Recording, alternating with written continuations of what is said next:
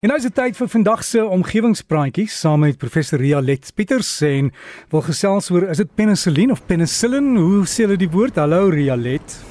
Môre Derek en luisteraars, ja, oor die uitspraak is ek nou nie seker nie, ek praat van penicillin.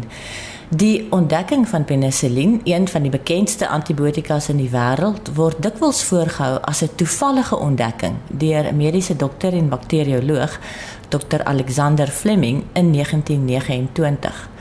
Maar ek is van mening dat toevallige ontdekkings met mense gebeur wat daarvoor gereed is en daagliks met die sleurwerk van wetenskaplike navorsing besig is en wat nou geset oplet na nuwe verskynsels en dan daaroor wonder. Voor die ontdekking van penicillin en die daaropvolgende gestoei om dit op groot skaal te vervaardig wat toe nog 10 jaar geduur het, het die dokters maar gesukkel om infeksies onder beheer te bring. Enige siekte wat deur siekte veroorsakende bakterieë veroorsaak is, kon nie dood van die mense wat dit onderlede het veroorsaak het as sy eie immuunstelsel nie die geveg kon wen nie. Ek het meeste van my feite gekry uit 'n boekie wat deur die American Chemical Society in 1999 uitgegee is en van die Amerikaanse Openbare Uitsaaidiens se webwerf.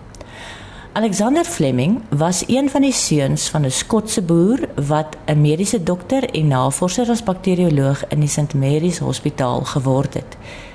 En net in hierdie een sinnetjie sit 'n klomp toevallighede vasgevang.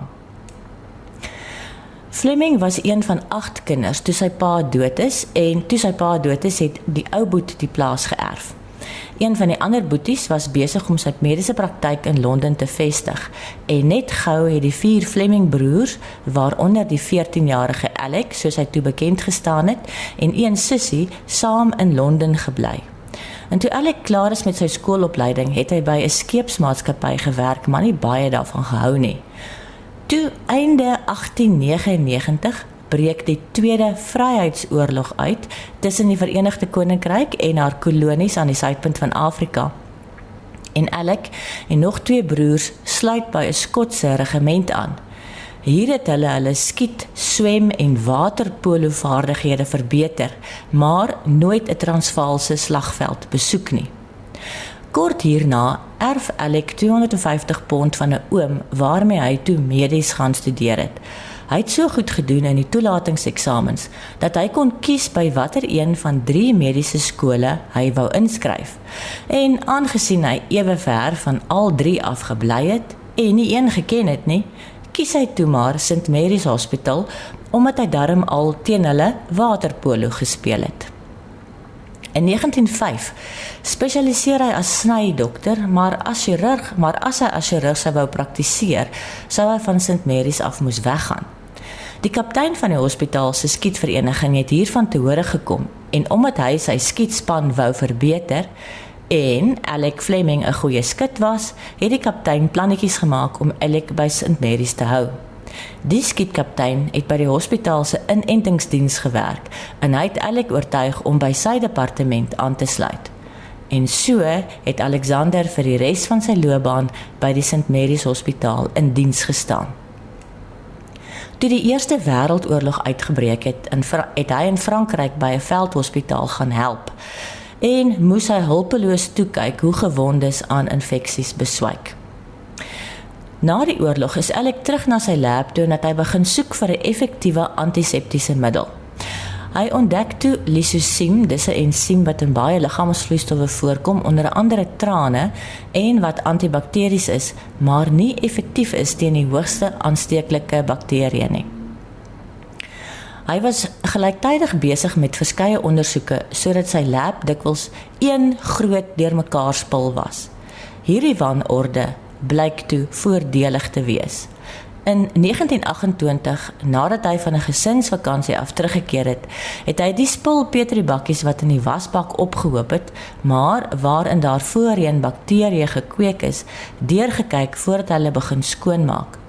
In een van die bakkies het 'n muf gegroei wat nou nie juis ongewoon was nie, maar wat Fleming daardie dag waargeneem het, is dat daar reg rondom die plek waar die muf gegroei het, 'n skoon gedeelte was waar die Staphylococci wat aanvanklik in die petribakkie gekweek is, dood gegaan het. Staphylococcus veroorsaak onder andere pitsere, seerkeel en absesse. Dit was duidelik dat die fungus iets afgeskei het wat die bakterieë doodgemaak het. Dit het later gebleik dat hierdie fungus 'n rare variant van die Penicillium notatum fungus was. Fleming bevind toe ook dat hierdie fungussap, soos hy dit genoem het, ander bakterieë soos Streptococcus, Meningococcus en die witseerkeel Bacillus ook laat vrek. Hy het twee assistente aangesit om suiwer penicillin uit die fungussap te isoleer maar die verbinding is baie onstabiel en hulle kon nooit verder kom as net 'n rou ekstrak nie. Hy publiseer sy bevindinge in die British Journal of Experimental Pathology in 1929 en verwys net terloops na die terapeutiese waarde van penicillin. Dit was Howard Florey en Ernst Chain aan die Oxford Universiteit wat dit later sou regkry om penicillin uit sy obskuriteit tot lewensreddende medisyne te verhef.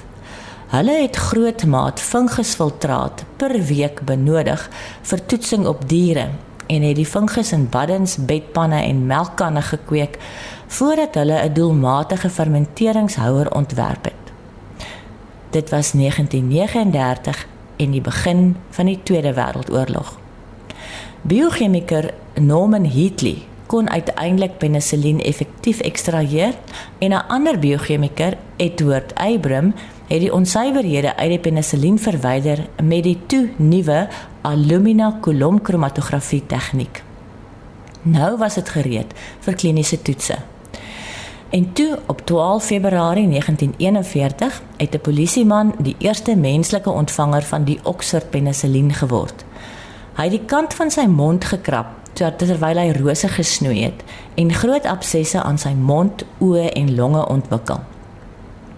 Hy is met penicillin ingespuit en binne dae het hy beterskap getoon. Ongelukkig het die medisyne opgeraak en is hy 'n paar dae later toe wel aan sy infeksie dood. Die groot chemiese maatskappye in Brittanje was op daardie stadium met oorlogsake besig en kon nie by die maak van penicillin betrokke raak nie. Flory en Heatley het in 1941 by die Amerikaners gaan hulp vra en uiteindelik het die Amerikaners dit reg gekry om op groot skaal penicillin te produseer en teen Maart 1945 was dit beskikbaar in elke apteek in Amerika. In Brittanje het Chain en Abram uiteindelik die molekulêre struktuur van penicillin vasgestel met die hulp van ekstraal kristallografie deur 'n dame, Dorothy Hodgkin, ook van Oxford. En in 1945 kry Alexander Fleming, Howard Florey en Ernst Chain die Nobelprys vir hulle werk oor penicillin. As jy wil weet hoe hierdie fungus wat penicillin vervaardig lyk, gaan kyk op omgewingspraatjies se Facebookblad. En so gesels professor Rialet Pieters en sy's betrokke by Noordwes Universiteit. Geloer op die omgewingspraatjies Facebookblad, kry al die inligting.